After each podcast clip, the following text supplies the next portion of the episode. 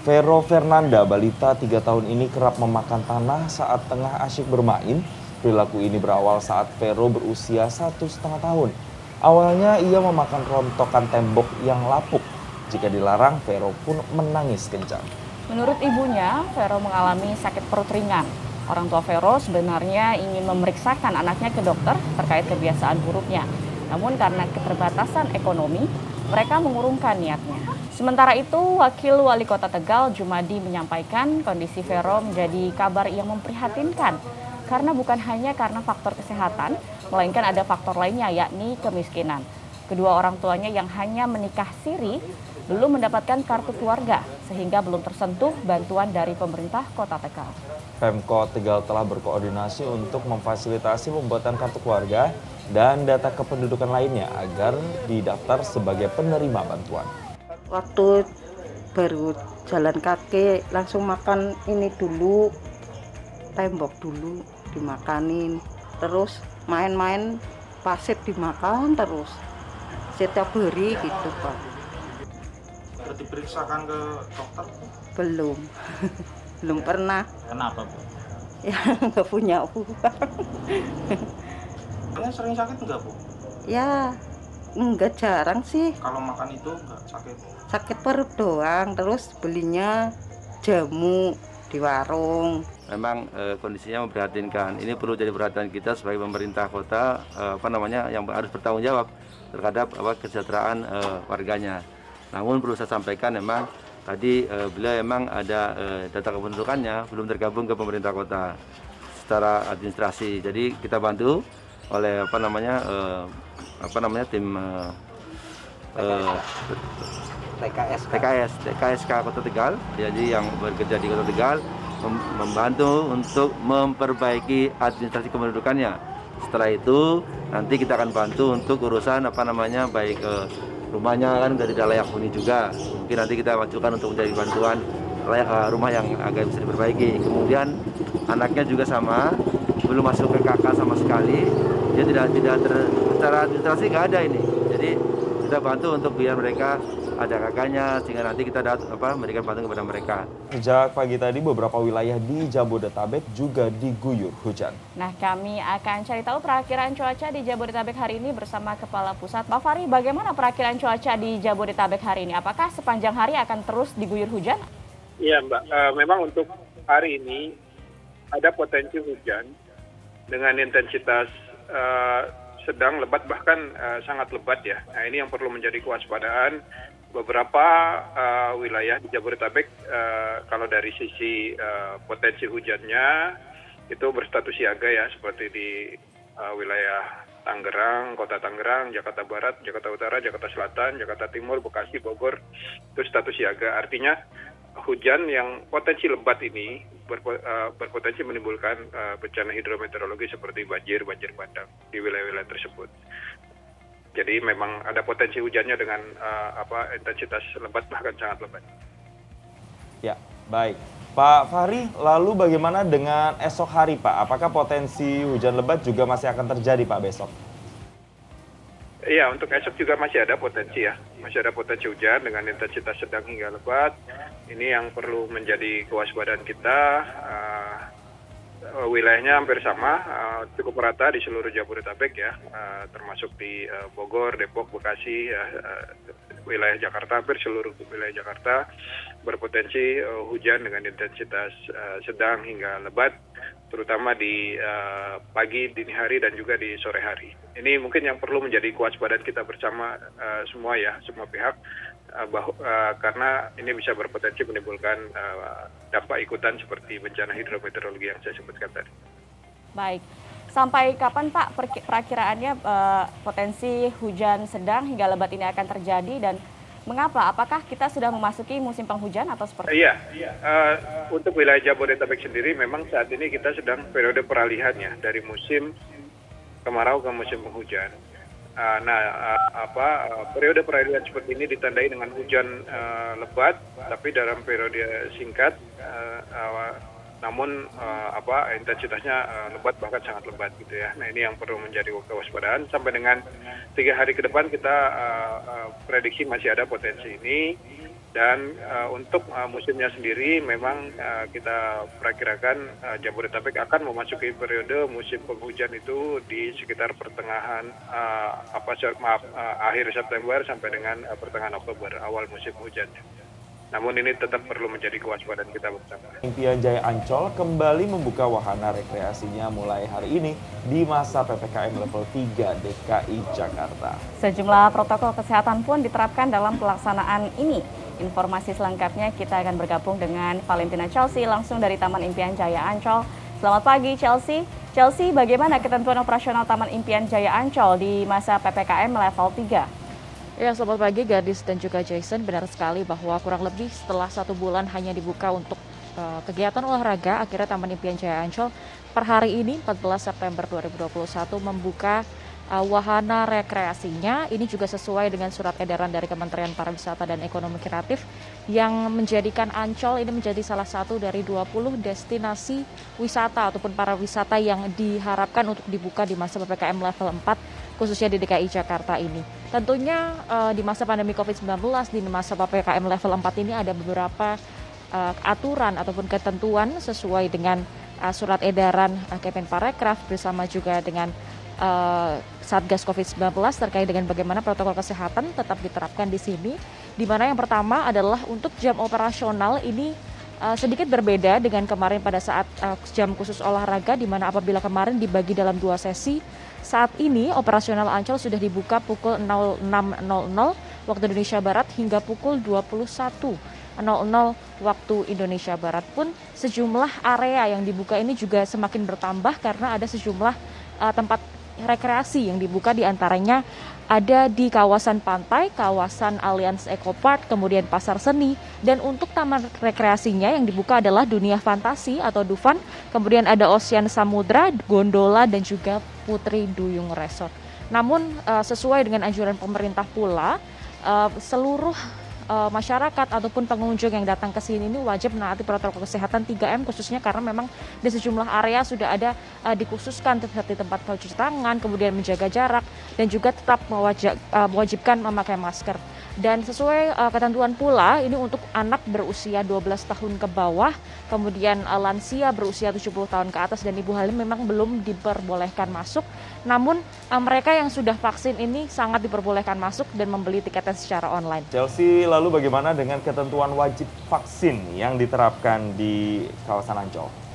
Iya benar sekali Jason bahwa seluruh pengunjung yang hendak masuk di kawasan Taman Impian Jaya Ancol ini wajib menunjukkan kartu vaksin. Nah apabila kemarin pada saat dibuka khusus olahraga cukup menunjukkan uh, sertifikat vaksin saja namun saat ini sudah terintegrasi dengan aplikasi Peduli Lindungi. Jadi pastikan apabila para pengunjung ataupun calon pengunjung yang sudah membeli tiket secara online pada saat masuk melalui gerbang pintu timur ini sudah memiliki ataupun menginstal aplikasi Peduli Lindungi dan nantinya pada saat di gerbang masuk akan langsung uh, tersedia barcode begitu kemudian nanti tinggal meng-scan dan sudah uh, diperbolehkan check-in ataupun masuk di Taman Impian Jaya Ancol. Pun nanti pada saat masuk juga ada pengecekan suhu tubuh, kemudian juga uh, seluruh uh, tiket masuk ini dibeli secara online sehingga juga bisa mengurangi interaksi uh, antar petugas dan juga pengunjung. Pun tadi seperti saya sampaikan uh, nantinya di setiap area ini juga akan ada rambu-rambu protokol kesehatan tetap harus diterapkan karena memang untuk kapasitas di Ancol sendiri setidaknya uh, hanya 10 persen. Dan saat ini pun uh, kondisinya kami pantau di kawasan Taman Impian Jaya Ancol masih lengang karena situasi uh, cuaca uh, saat ini juga masih hujan sehingga benar-benar diharapkan pengunjung yang mulai mendatangi Taman Impian Jaya Ancol khususnya di uh, wahana rekreasi ini tetap menaati protokol kesehatan utamanya terkait dengan Pemerintah mengizinkan bioskop mulai buka dan menambah lokasi tempat wisata yang diizinkan buka seiring dengan penurunan jumlah kasus COVID-19. Sementara untuk mengantisipasi penyebaran varian baru Mu, pemerintah membatasi penerbangan luar negeri yang masuk ke Indonesia hanya melalui Bandara Internasional Soekarno-Hatta Tangerang dan Samratulangi Manado. Meski jumlah kasus COVID-19 semakin turun, penerapan pemberlakuan pembatasan kegiatan masyarakat (PPKM) terus berlanjut dengan pelonggaran secara bertahap. Pemerintah mengizinkan bioskop kembali dibuka dengan protokol kesehatan yang ketat dan menggunakan aplikasi Peduli Lindungi.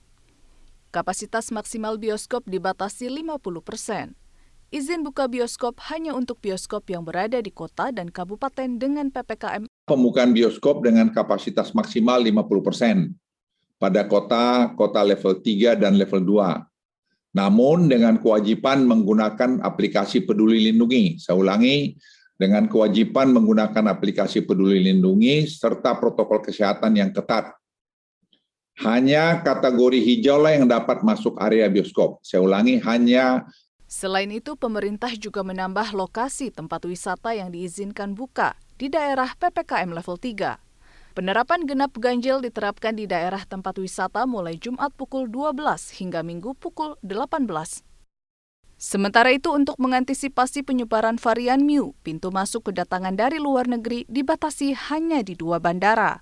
Selama sepekan ke depan yakni Bandara Soekarno-Hatta Cengkareng, Kabupaten Tangerang, Banten, dan Bandara Samratulangi Manado, Sulawesi Utara. Pengetatan persyaratan perjalanan internasional dari luar negeri wajib full vaksinasi. PCR tiga kali, melakukan karantina selama 8 hari, dan pembatasan pintu masuk untuk kemudahan pengawasan. Jadi pengawasan dari udara, eh, penaikan uh, uh, masuk dari udara hanya melalui Cengkareng dan melalui Manado. Uh, sedang Bali kita pertimbangkan untuk bisa jalan, kita akan lihat satu dua minggu ke depan. Perkembangan kasus COVID-19 secara nasional terus membaik. Ini terlihat dari penurunan tren kasus konfirmasi hingga 93,9 persen secara nasional. Dan penurunan hingga 96 persen di Jawa dan Bali dari titik puncaknya 15 Juli lalu. Jumlah kasus aktif juga turun di bawah 100 ribu, sedangkan penambahan kasus baru jauh berkurang dari hari Senin kasus baru bertambah 2.577. Pemirsa harga ayam dan telur anjlok selama masa pandemi COVID-19 karena turunnya permintaan masyarakat serta melambungnya harga pakan ternak. Pemerintah diminta untuk segera menginventarisir mengintervensi maksud kami dan mereformasi peraturan terkait penetapan harga pokok bagi peternak ayam agar peternak ayam tidak terus merugi. Peternak ayam di sentra peternakan desa Sri Kayangan, Kecamatan Sentolo, Kulon Progo, Yogyakarta mengeluhkan tingginya harga pakan ayam. Selain itu, harga jagung yang menjadi campuran pakan ayam juga naik dari harga Rp4.000 menjadi Rp6.000 per kilogram. Harga konsentrat pun naik dari Rp370.000 menjadi Rp440.000 per saknya.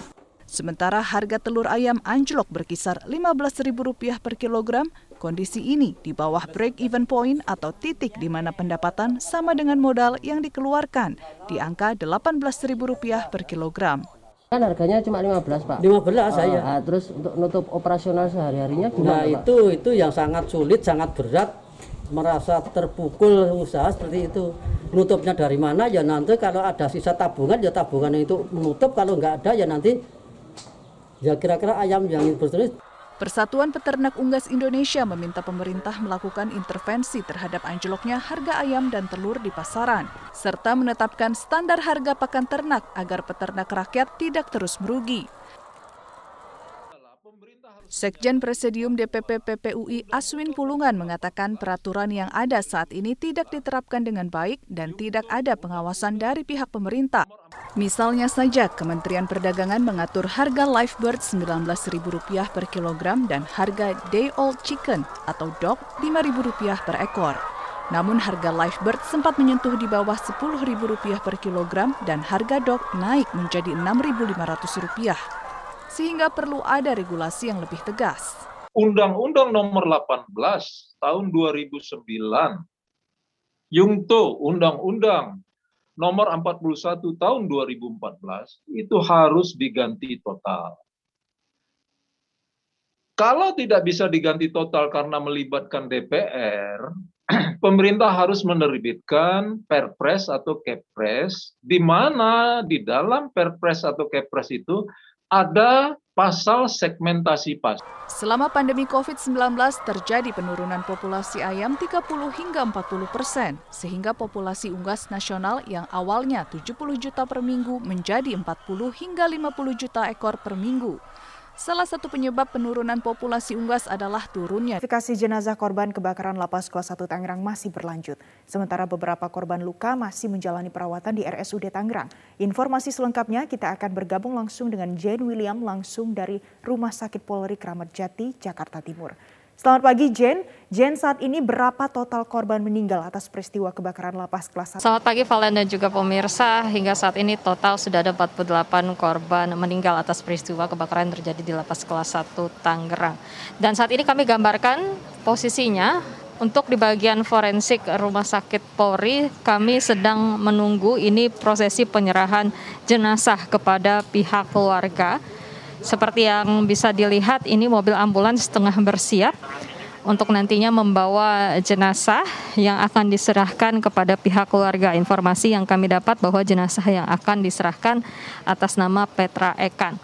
Informasinya untuk pagi hari ini akan ada sebanyak enam jenazah yang akan diserahkan kepada pihak keluarga setelah sudah teridentifikasi di Rumah Sakit Polri, kemudian pihak Rumah Sakit Polri menyerahkan kepada pihak lapas dan dari pihak lapas yang akan menyerahkan kepada pihak keluarga. Seluruh prosesi penyerahan jenazah dari uh, Rumah Sakit Polri kemudian dari lapas kepada pihak keluarga ini akan menjadi tanggung jawab dari Kemenkumham di mana akan ada uang santunan untuk biaya duka sebesar 30 juta rupiah dan uang pemakaman sebesar 6 juta rupiah. Hingga saat ini dari sebanyak 41 jenazah yang dibawa ke Rumah Sakit Polri untuk proses identifikasi sudah ada 18 yang berhasil teridentifikasi. Uh, 10 jenazah dari 18 yang sudah teridentifikasi ini sudah diserahkan kepada pihak keluarga, termasuk satu di antaranya merupakan warga negara asing yang sudah berhasil teridentifikasi. Dan pagi ini 8 jenazah akan diserahkan dan dua lainnya kami masih menunggu informasi selanjutnya terkait kapan akan diserahkan kepada pihak keluarga. Posisinya saat ini kami memantau untuk dari pihak keluarga korban sudah bersiap di Rumah Sakit Polri ini sehingga menunggu gilirannya. Apabila sudah siap segala sesuatunya maka akan difasilitasi untuk penyerahan jenazah uh, yang ada di bagian forensik di ruang transit jenazah atau ini merupakan uh, posko postmortem yang nantinya akan dibawa menggunakan mobil ambulans yang difasilitasi juga dari pihak Rumah Sakit Polri dan dari pihak Kemenkumham kemudian juga akan membawa pihak keluarga untuk nantinya uh, dilakukan prosesi pemakaman terhadap jenazah. Dan data terakhir yang kami dapatkan bahwa dari total 41 jenazah yang masih menunggu atau yang dibawa ke Rumah Sakit Polri untuk diidentifikasi berarti dari 18 yang sudah teridentifikasi sisa 23 yang masih proses identifikasi semuanya sudah terkumpul untuk data antemortemnya. Jadi saat ini tugasnya adalah tinggal mencocokkan data antemortem yang sudah didapat dari pihak keluarga dengan data postmortem yang didapatkan di Rumah Sakit Polri. Namun untuk proses penyocokan sampel DNA ataupun sidik jari ataupun juga dari rekam gigi ini memang uh, membutuhkan waktu karena diketahui ini merupakan jenazah korban kebakaran di mana ada kondisi jenazah yang uh, cukup menyulitkan proses identifikasi sehingga memang dibutuhkan waktu yang lebih lama untuk akhirnya uh, keseluruhan jenazah yang menunggu proses identifikasi ini bisa teridentifikasi dan terverifikasi antara data antemortem dengan data postmortemnya. Dan di siang hari nanti juga rencananya akan dilakukan konferensi pers dari pihak Rumah Sakit Polri dan dari pihak Polri untuk nantinya mengupdate lagi apakah sudah ada jenazah yang berhasil teridentifikasi lagi dari 23 jenazah yang masih menunggu proses identifikasi. Kemudian juga uh, posisinya di sini kami juga menunggu bagaimana prosesi penyerahan jenazah yang sudah berhasil teridentifikasi kepada pihak keluarga.